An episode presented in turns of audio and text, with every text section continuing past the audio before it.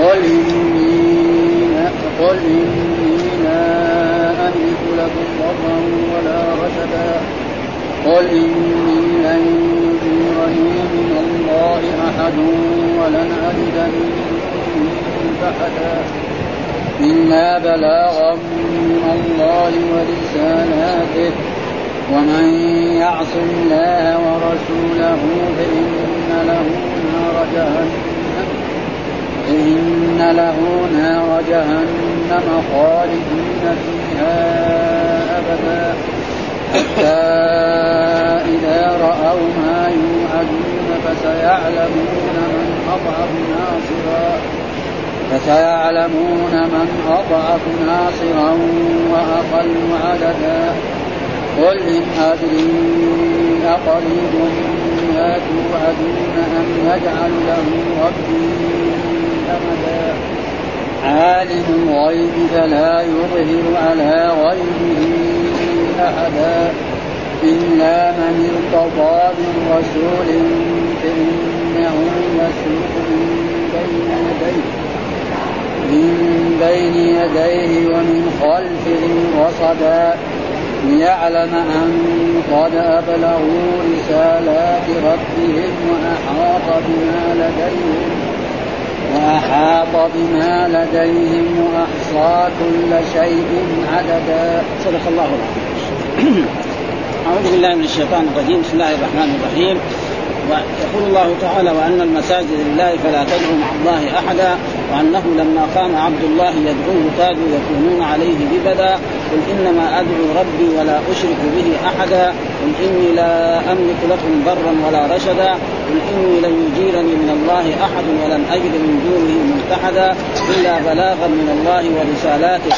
ومن يعص الله ورسوله فإن له نار جهنم خالدين فيها أبدا حتى إذا رأوا ما يوعدون فسيعلمون من أضعف ناصرا وأقل عددا يقول في هذه الآيات وهذه السورة هي سورة الجن وقد ذكر الله تعالى في أولها أن الجن استمعوا إلى رسول الله صلى الله عليه وسلم وآمنوا به وعادوا إلى بلادهم يدعون الناس إلى إلى إلى يعني الإيمان بالقرآن والإيمان برسول الله صلى الله عليه وسلم محمدا كما قال قل أوحي إليه أنه استمع نفر من الجن وذكر أن منهم الصالحون ومنهم دون ذلك إلى غير ذلك وذكر في هذه الآيات أن المساجد فسر بعض أن المساجد لله فلا تدعو أن هذه الآية نزلت يعني في اليهود وفي النصارى والمراد أن اليهود والنصارى كانوا إذا دخلوا إلى مساجدهم بيعهم وكنائسهم يدعون الله ويدعون غيره.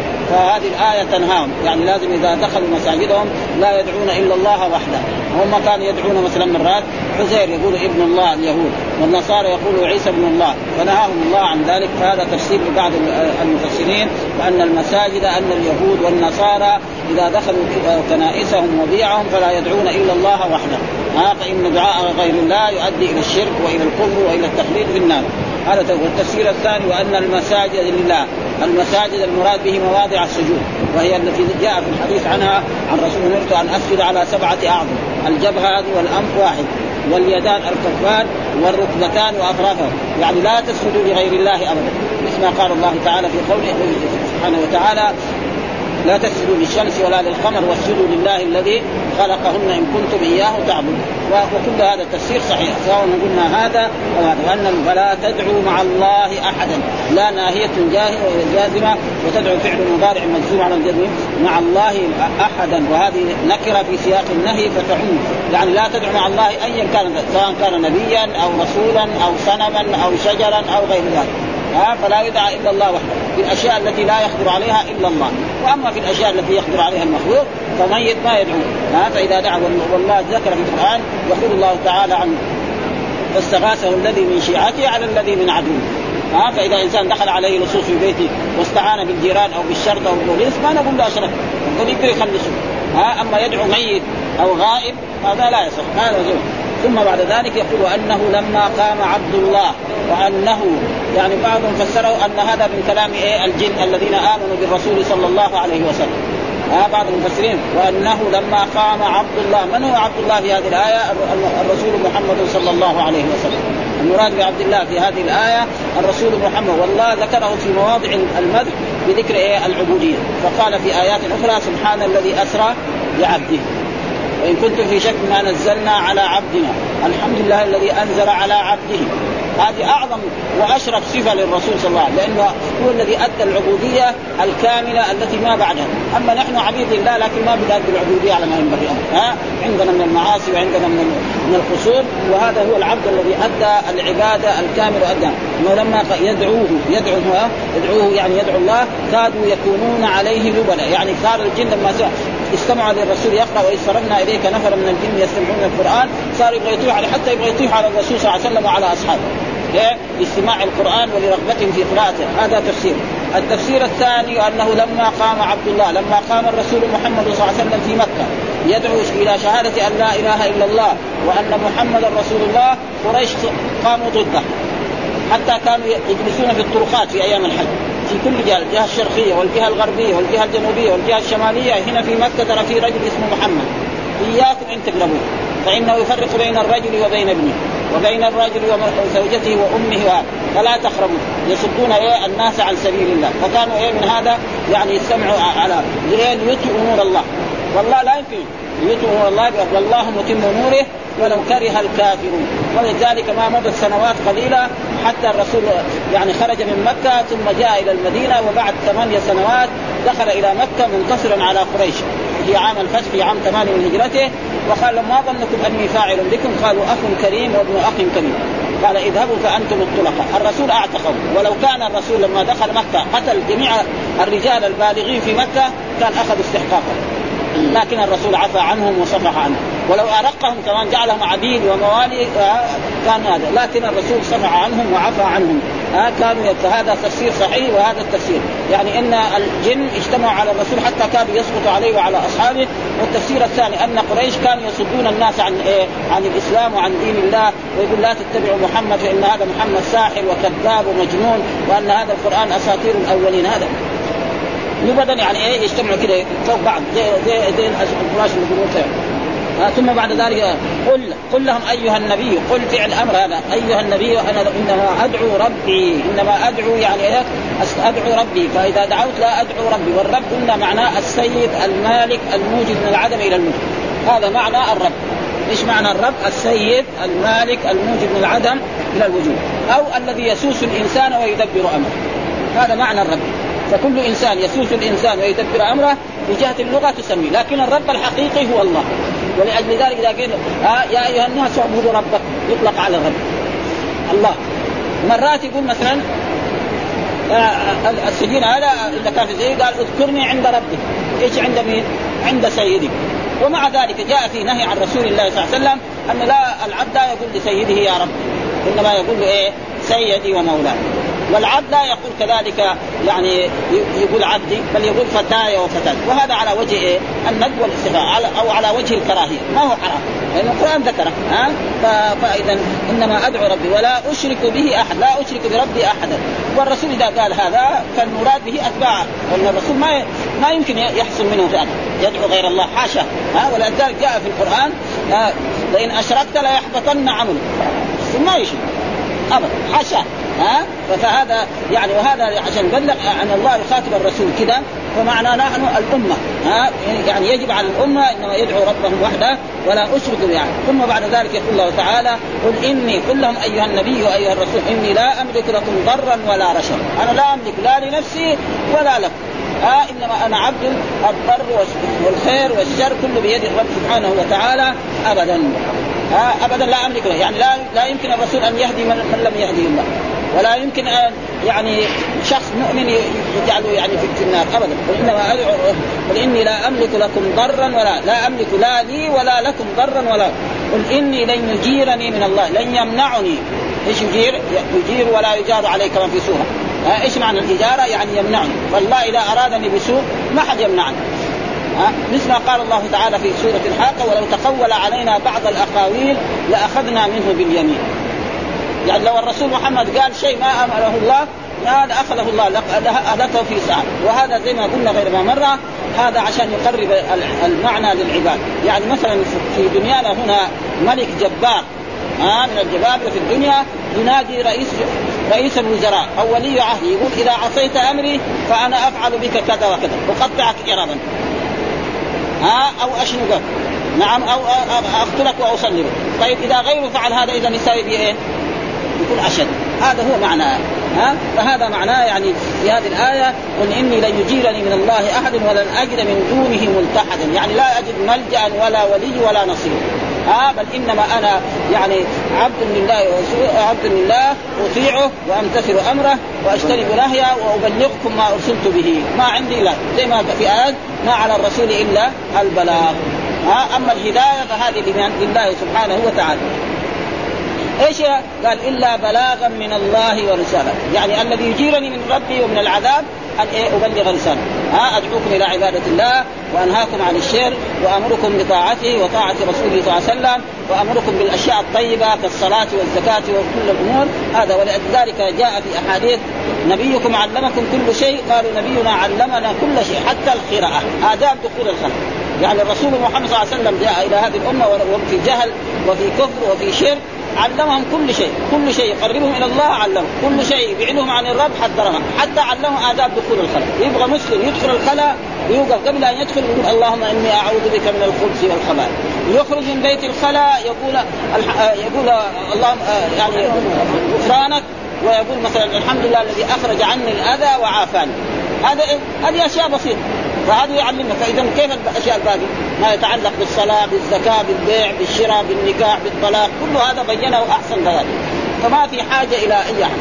ابدا. فهذا معناه يعني إلا بلاغ. يعني إذا الرسول أقام بتبليغ الرسالة يعني نجا هذا الذي ينجي الرسول. وهذا زي ما قلنا الرسول يبلغ الرسالة. لا شك في ذلك. لكن هذا عشان الناس يخافوا. فيجب على الناس إلا بلاغا من الله ورسالاته. ها؟ والرسالات التي تصير جميع ما بلغه الله زي ما قال في آية يا أيها الرسول بلغ ما أنزل إليك من ربك. يا أيها الرسول بلغ ما أنزل إليك من ربك. فلا بد الرسول يبلغ كل الرسالات.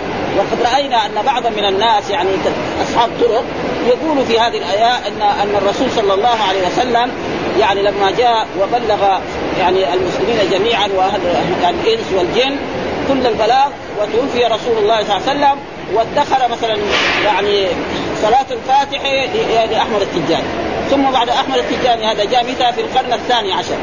وبلغه صلاة الفاتح وأنها أفضل من القرآن بستة آلاف مرة. فيصير الرسول هذا خطير. ها؟ يعني الرسول ما بلغ ما يبلغ أبو بكر ولا عمر ولا عثمان ولا علي ويجي بعد ذلك بعد اثنان والرسول قد انتقل إلى الجنة ما له علاقة بالدنيا خلاص. ها؟ لا يعني توفي ودفنه أصحابه وكان هو في الجنة منعم فيها أشد من إيه؟ من الشهداء، لأن الله يقول عن الشهداء ولا تحسبن الذين قتلوا في سبيل الله امواتا بل أحياء عند ربهم يرزقون. فكيف مسلم يعني يفهم هذه العقلية؟ يقول أن صلاة الفاتح أفضل من القرآن وأنها لا يعني تقرأ إلا بطهارة مائية، يعني المتيمم ما يقرأها هذا كلام فارغ يعني ها ولكن مع الأسف نحن إيه نأسف على رجال بالغين أو ينتسبوا إلى العلم ويقولوا هذا الكلام يعني ينتسب إلى العلم عالم يقول ويقول إن صلاة الفاتحة هذا ويعتقد هذا الاعتقاد الفاتح. ما في صلاة أفضل من إيه؟ الصلاة الإبراهيمية، اللهم صل على محمد وعلى آل محمد كما صليت على إبراهيم وعلى آل إبراهيم إنك حميد مجيد، اللهم بارك على محمد وعلى آل محمد كما باركت على آل إبراهيم إنك ما في أفضل منها لأنها خرجت من فم الرسول. أن الرسول أخبر أصحابه بذلك سالوه كيف نصلي عليه؟ آه فقال سكت حتى جاءه الوحي وقال قولوا اللهم صل عليه وقالوا السلام عليكم فهذا تقريبا خطير جدا فالرسول لازم يبلغ جميع الرسالات وهذا كله إيه؟ يعني لو كان الرسول ما يبلغ الصحابة ما كانوا يجوا إلى الرسول في مسائل، يعني الرسول لما توفي وما جعل خليفة نعم ما جاء الرسول إلى وقفوا إلى القبر قالوا له مين الخليفة بعد؟ عالجوا مشاكلهم بأنفسهم. لما توفي الرسول قبل أن يدفن اجتمع الأنصار في سقيفة بني سعد يريدون أن يبايعوا سعد بن عبادة. فأبو بكر لما سمع ذلك أخذ عمر وأخذ أبو عبيد وذهب إليهم في سقيفة بني سعد، المحل الذي الآن يعني بالسحين هذا المعروف يعني محل الشجر هذا هذا كان في سقيفة بني سعد ودخل عليهم وهم يبايعوا سعد بن عبادة. قال لهم العرب ما يقبلوا لأن الرسول قرشي الخليفة يصير أنصاري ما يقبل العرب. ها؟ لازم إيه؟ نحن الأمراء وأنتم الوزراء. ما يقبلوا له فبايعوا أحد هذين الرجلين. إما أبو عبيده وإلا عمر قال لهم. قام عمر قال, كيف يبايعوك؟ والرسول جعلك أنت تصلي بالناس أيام ما كان مريض. معناه إنك أنت مين؟ من أحق بالخلافة؟ بكر الصديق مع أن الرسول أخبر إن إيه أقرأكم أبي. الرسول أخبر إن أقرأ الصحابة للقرآن مين؟ أبي بن كعب. ومع ذلك يقول إيه مروا أبو بكر يصلي بالناس. تقول له عائشة ده أبو بكر ده إذا صلى بالناس يبكي ولا يسمع الناس قراءته. تقول له مروا أبو بكر. وساب يصلي. فهذه مشكلة. كذلك كثير من الأشياء يعني مثلا قصه فاطمة مع علي مع أبو بكر. يعني لما توفي الرسول صلى الله عليه وسلم وكان يعني فاطمة كأنها تطالب بميراثها. فقال له أبو بكر ما لك ميراث؟ لأنه جاء في الحديث الصحيح عن رسول الله صلى الله عليه وسلم معاشر الأنبياء لا نورث. ما تركنا صدقة. يعني ما تركناه صدقة. ما جو للرسول قالوا مين إلا يرث ابدا عالجوا مشاهير بعد ذلك اقتنعت هي ما لها ميراث. لأن الأنبياء لا يرث. إنما يورث إيه؟ العلم. بس. ها ورثنا القرآن وورثنا السنة. هذا واما والرسول توفي ما عنده شيء. لا عنده عبيد ولا عنده فلوس ولا عنده ذهب لا بل كانت يعني درعه مرهونه عند يهودي في 30 ساعة من شيء. فهذا ما نريد أن ننبه إخواننا انه كل شيء يعني مخالف لهدي رسول الله والرسول قال من أحدث في أمرنا هذا ما ليس منه فهو رد. يعني أي البدعة تكون في الدين. آه من أحدث في أمرنا هذا ما ليس فهذا قول هذا ومن يعص الله ورسوله. يعص الله المراد بالعصيان هنا معناه الشرك. ومن يعص الله ورسوله فإن له نار جهنم خالدين فيها يعني من يعصيه إيه؟ بالكفر من يموت وهو مشركا بالله فإنه يدخل جهنم ويعذب فيها ويستمر عذابه ولا يخرج منها ابدا. هذا في وأما المؤمن العاصي الذي يرتكب ذنبا من السرقة وشرب الخمر وغير ذلك فهذا قد يعذب على قدر ذنبه ثم يخرج من النار بشفاعة الرسول محمد صلى الله عليه وسلم أو باستيفاء ما يستحقه من العذاب أو بشفاعة غيره على كل حال. مآله إلى الجنة. وهذا في أحاديث إن الله سيخرج من النار من كان في قلبه مثقال ذرة من إيمان. كذا أحاديث صحيحة. ها؟ ويكفي ذلك القرآن. أن مرتكب الكبيره لا يكون كافرا. والدليل على ذلك القرآن. وإن طائفتان من المؤمنين اقتتلوا فأصلحوا بينهما ثم قال إنما المؤمنون إخوة. يعني الطائفتين آه المتقاتلتين الباغية والمبغى عليه وقال هناك في آية القصاص فمن عفي له من أخيه شيء. سمى القاتل للمقتول إيه؟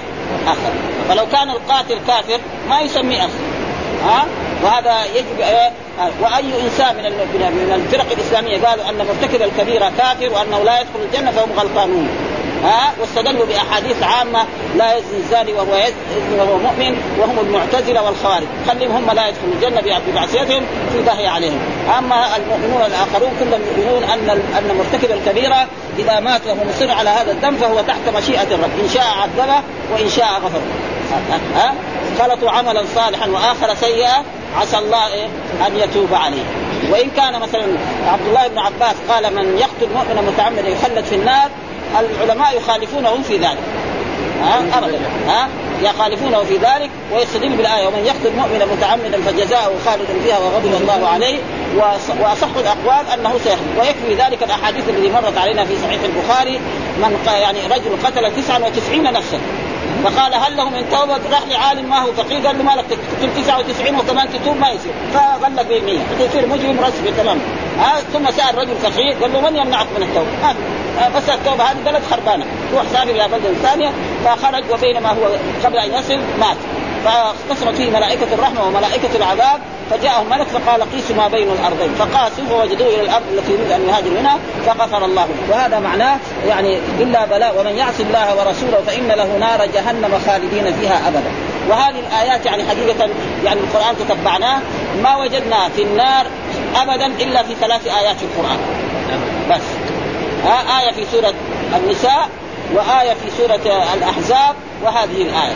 وأما في المؤمن في, في, في أهل الجنة كثير. عدة آيات. يمكن يمكن تجي لها عشرة أو زيادة. ها؟ هنا آية آية منها هذه. فهذه ابدا. وهذا دليل على أن وهذا ليس معناه الكافر يخلد في النار. صحيح. وأما العاصي لا يخلد. وهنا من يعصي الله معناه يشرك بالله. إيش يعصي هنا؟ ليس معناه عاصي معناه معصية. لأن الله يقول إن الله لا يغفر أن يشرك به ويغفر ما دون ذلك حتى إذا رأوا ما يوعدون حتى إذا رأوا رأى الكفار والمشركون هؤلاء العصاة ها من يعصي. هذول الواو هذه إذا حتى إذا رأوا ما يوعدون رأوا يوم القيامة. شافوا يوم القيامة وأهوالها وخرجوا من قبورهم وجاءوا للحساب فسيعلمون من أضعف ناصرا وأقل عددا من هو أضعف ناصرا وأقل هل المؤمنون أم الكفار؟ ذاك الوقت يوم شديد ها ابدا. يوم يفر المرء من أخيه وأمه وأبيه وصاحبته وبنيه لكل فهناك يروا. هم كانوا يقولوا أن المؤمنين دول ناس فقراء ومساكين وغلبانين ما يحصلوا شيء في الآخرة. ها مثل ما قال الوائل بن عاص لما قال له خباب اعطني أجر السيوف التي صنعتها لك. قال حتى تموت وتبعث قال أو ابعث قال نعم. قال اكفر بمحمد. قال لا لا اكفر حتى تموت. قال أو ابعث قال خلاص إذا كان أنا أبعث انت حداد وأنا رجل من كبار قريش. عندنا ذهب وعندنا إبل وعندنا بقر وعندنا بساتين في الطائف وانت رجل حداد. والحداد معروف. ها؟ فقير ابدا. مرات يمكن يقعد يفتح دكان من الصباح إلى المساء ما يجد واحد يجيب له سيف ولا سكين. بعد ذلك في المساء يروح يدور له ريال أو ريالين يشتري خبز يأكل أولاده. ها؟ فهذا معناه اضعف ناصر. ثم بعد ذلك يقول الله تعالى وقل قل إن أدري اقريب قل قل لهم برضو أمر من الله لرسولنا محمد صلى الله عليه وسلم. قل إن أدري وإن نافية هنا. إن هنا لا يعني ما أدري. ها إن هذا فعل أمر من البالغ إن بمعنى ما. يعني ما أدري. أقريب ما توعدون ام يجعل له ربي أمدا. يعني ما توعد الله وعدم ان في هناك يوم قيامه وأن الله سيحيي الناس ويحاسبهم ويدخل المؤمنين الجنة والنار الكفار النار ويخلدهم فيها والعصاة قد يعذبوا يعني هذا اليوم أنا لا أدري. قريب ما توعدون أم يجعل له ربي أمدا؟ يعني مدة طويلة. أنا ما أدري. والدليل على ذلك الأحاديث. فإن جبريل جاء على صورة اعرابي وسأل الرسول عن الإسلام وعن الإيمان وعن الإحسان أجابه الرسول. بعد ذلك قال له عن الساعة قال ما المسؤول عنها باعلم من السائل يعني أنا المسؤول وأنت السائل نحن ما نعرف. فإذا كان الرسول محمد لا يعلمها فغير من اولى واحلى وأي واحد ادعى إنه يعرف متى تقوم الساعة فهو دجال من الدجاجله ها؟ حقه لو قتل يعني يستحق ابدا. ها؟ لأن الرسول ما يعلم. سألوا جبريل وهو في مقام التعليم. يقول ما المسؤول عنها بيعلم قال له أخبرني عن امانتها قال أن تلد الأمر ربتها وأن ترى والله ذكر في آيات يسألونك عن الساعة أيان مرساها قل إنما علمها عند ربي لا يجليها لوقته وجاء في آيات أخرى إن الله عنده علم الساعة وينزل الغيث ويعلم ما في الأرحام وما تدري نفس ما ما حد يعلم أبدا ها؟ وهذا ثم بعد ذلك قال عالم الغيب فلا يظهر على يعني إيه هو.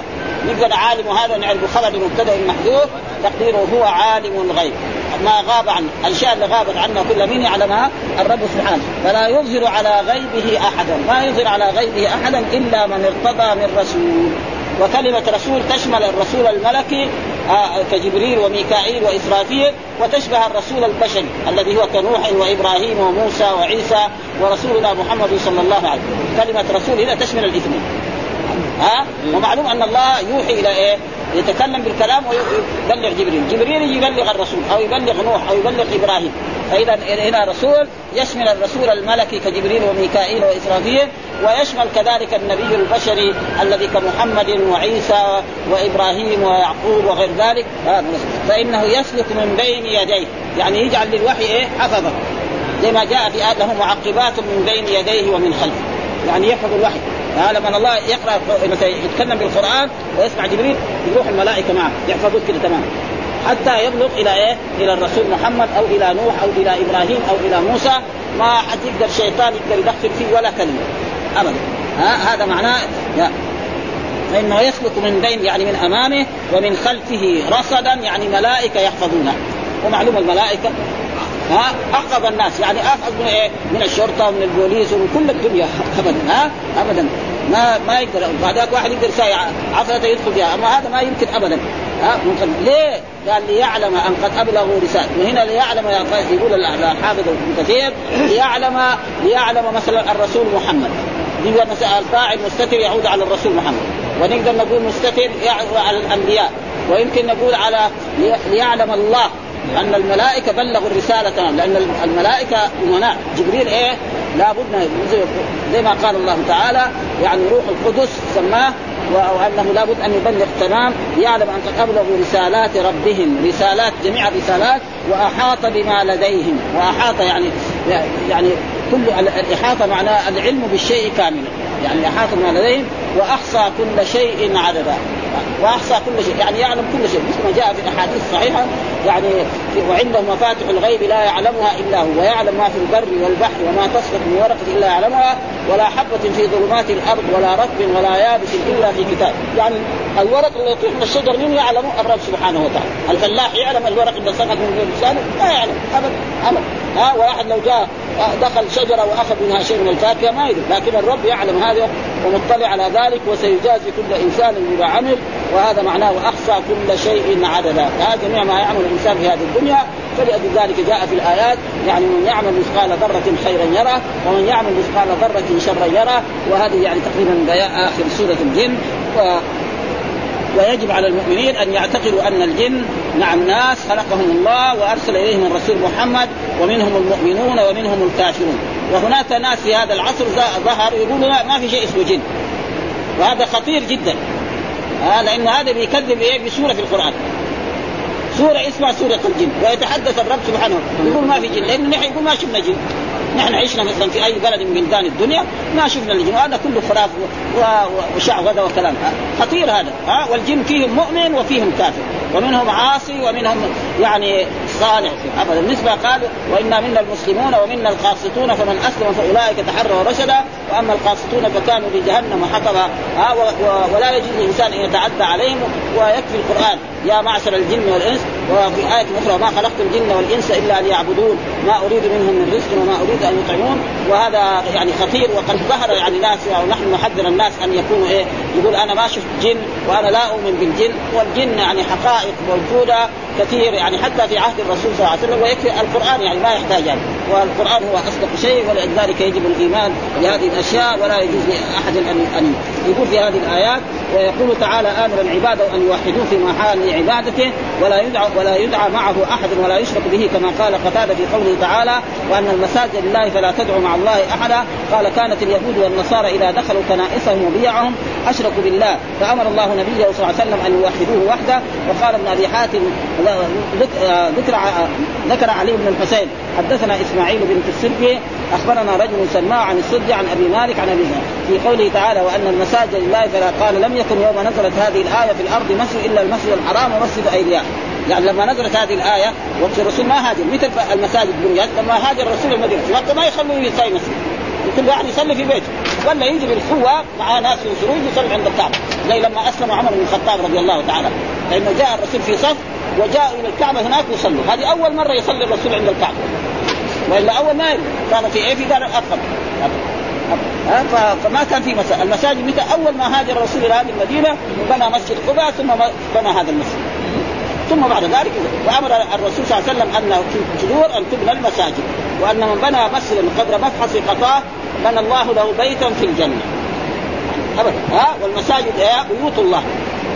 ها ويجب ان البيوت هذه تعظم وتحترم وذكر الله تعالى إنما يعمل مساجد الله من آمن بالله واليوم الآخر وأقام الصلاة وآتى الزكاة ولم يخشى إلا الله فعسى أولئك يكونوا من المهتدين. أجعلتم سقاية الحاج وعمارة المسجد من آمن بالله واليوم وجعل لا يستوي. يعني العمارة الحسية والعمارة المعنوية أيهما أعظم؟ العمارة الايه المعنوية. وهي الصلاة والذكر وقراءة القرآن. العمارة الحسية فيها أجر. لكن ما هي زي هذا ها ولذلك المسجد الذي كان في عهد رسول الله كان إيه؟ سواريه من جذوع النخل وسقفه من الجريد إذا صار نزل المطر يصلوا في الطين والماء. دحين شوف ما شاء الله والمساجد في كثير من الاخطار الآن صارت فين الركعات اللي صليت ذاك الوقت؟ ما صلى مثلها ابدا إلى يوم القيامة. الصلاة اللي صليت في ذاك المسجد الذي كان إذا نزل المطر يعني ما يصلي أحد مثلها ابدا إلى أن تقوم القيامة. ابدا. لأن الرسول قال يصلي ركعتين لم يحدث فيهما نفسه غفر له ما تقدم منه وليت... وليجرب كل منا يصلي ركعتين. من الله أكبر إلينا السلام هو مع صلاته فإذا فعل ذلك إيش الرسول قال؟ غفر له ما تقدم منه يجي يصلي دغري يجي له الشيطان اذكر كذا اذكر كذا حتى بعد ما على كل حال خير ممن لم يصلي بس. الحمد لله. ها؟ والا صلاة على ما ينبغي يعني لا حول ولا قوة إلا بالله. وان المساجد لا فلا تدعوا مع الله أحدا. قال صلوا لا تخالطوا الناس. هذا وكذلك عن وأن المسافه لا تدعو قالت الجن لنبي الله كيف لنا أن ناتي المسجد ونحن ناؤون ابعيدون عنك؟ وكيف تشهد الصلاة ونحن ناؤون؟ فنزلت أن يعني في أي مكان يصلي ولذلك جعل في الأرض مسجدا وطهورا يعني في أي مكان بخلاف الأمم السابقة ما يصلوا إلا في إيه؟ في كنائسهم وفي بيعهم دحين النصارى. ما حد يصلي في البيت. كل النصارى الموجودين في العالم دول واليهود لا يوم اليهود يوم السبت يروح. مين اللي يروح؟ العجائز والشيات دول أما الشباب دول يقولوا الخرافات هذول. خلاص ها؟ والنصارى كمان تجاب خمسة أنفار ستة أنفار 20 يعني أمريكا يدين يقول يعني أكثر من 200 مليون. 200 مليون. ولا مليون واحد ما يروح الكنائس. ولا ابدا. ها؟ وقال وقال نزلت في أعضاء السجود. فلا تسجد أمرت أن أسجد على سبعة أعظم على الجبهة وأشار بيديه إلى الأنف واليدين والركبتين وأطراف القدم. وأنه لما قام عبد الله يدعوه كادوا يكونون عليه بلدا قال العوفي آه يتلو القرآن. كادوا يركبون يركبونه من الحرص على لما سمعوه يتلو القرآن ودنوا من فلم يعلم بهم حتى أتاه الرسول فجعل يقرأه اوحي اليه أنه سمع نفر من الجن يستمعون القرآن وهذا قول وفسره بعضهم أنه وهذا قول ثاني وهو مروي عن سعيد بن جبير قال الحسن لما قام رسول الله يقول لا إله إلا الله ويدعو الناس إلى ربهم. كادت العرب أن تلبد عليه جميعا. قال قتاده أنه لما قام عبد الله يدعوه كادوا يكونون عليه لبدا قال تلبد الإنس والجن على هذا الأمر يطفئون فأبى الله إلا أن ينصره ويمضيه ويظهره على من ناواه. وهذا قول ثالث وهو مروي عن ابن عباس ومجاهد وسعيد بن جبير وقول من زيد وهو اختيار ابن جرير. أنه أحسن قول هو إيه؟ أنه لما قام عبد الله قريش. ها؟ أنهم إيه؟ صاروا ضد الرسول وأرادوا أن يطفئوا نور الله ولكن ما استطاعوا. ها لأن الله وعد الرسول أنه سينصره على الدين إلا بلاغا من الله قال بعضهم مستثنى من قوله إني لا أملك لكم ضرا ولا رشدا إلا. ويحتمل أن يكون استثناء من قوله لن يجيرني من الله أحد إلا إذا بلغت رسالة ربي ويخلصني إلى إبلاغ الرسالة التي اوجب اوجب, أوجب أداءها علي كما قال تعالى يا أيها الرسول بلغ ما أنزل إليك من ربك وإن لم تفعل فما بلغت رسالته والله يعصمك من الناس. وقوله تعالى ومن يعص الله ورسوله فإن له نار جهنم خالدين فيها أبدا. أنا أبلغكم رسالة الله ومن يعصي بعد ذلك له جزاء جزاء على ذلك نار جهنم خالدين فيها أبدا. أي لا محيد لهم عنها ولا خروج لهم منها. وقوله تعالى حتى إذا رأوا ما يوعدون فسيعلمون من أضعف ناصرا وأقل عددا حتى إذا رأى هؤلاء المشركون من الجن والإنس ما يوعدون يوم القيامة فسيعلمون يومئذ من أضعف ناصرا وأقل عددا أهم المؤمنون الموحدون لله تعالى بل المشركون الذين لا ناصر لهم بالكلية وهم أقل عددا من جنود الله عز وجل. والحمد لله رب العالمين وصلى الله وسلم على نبينا محمد وعلى آله وصحبه وسلم.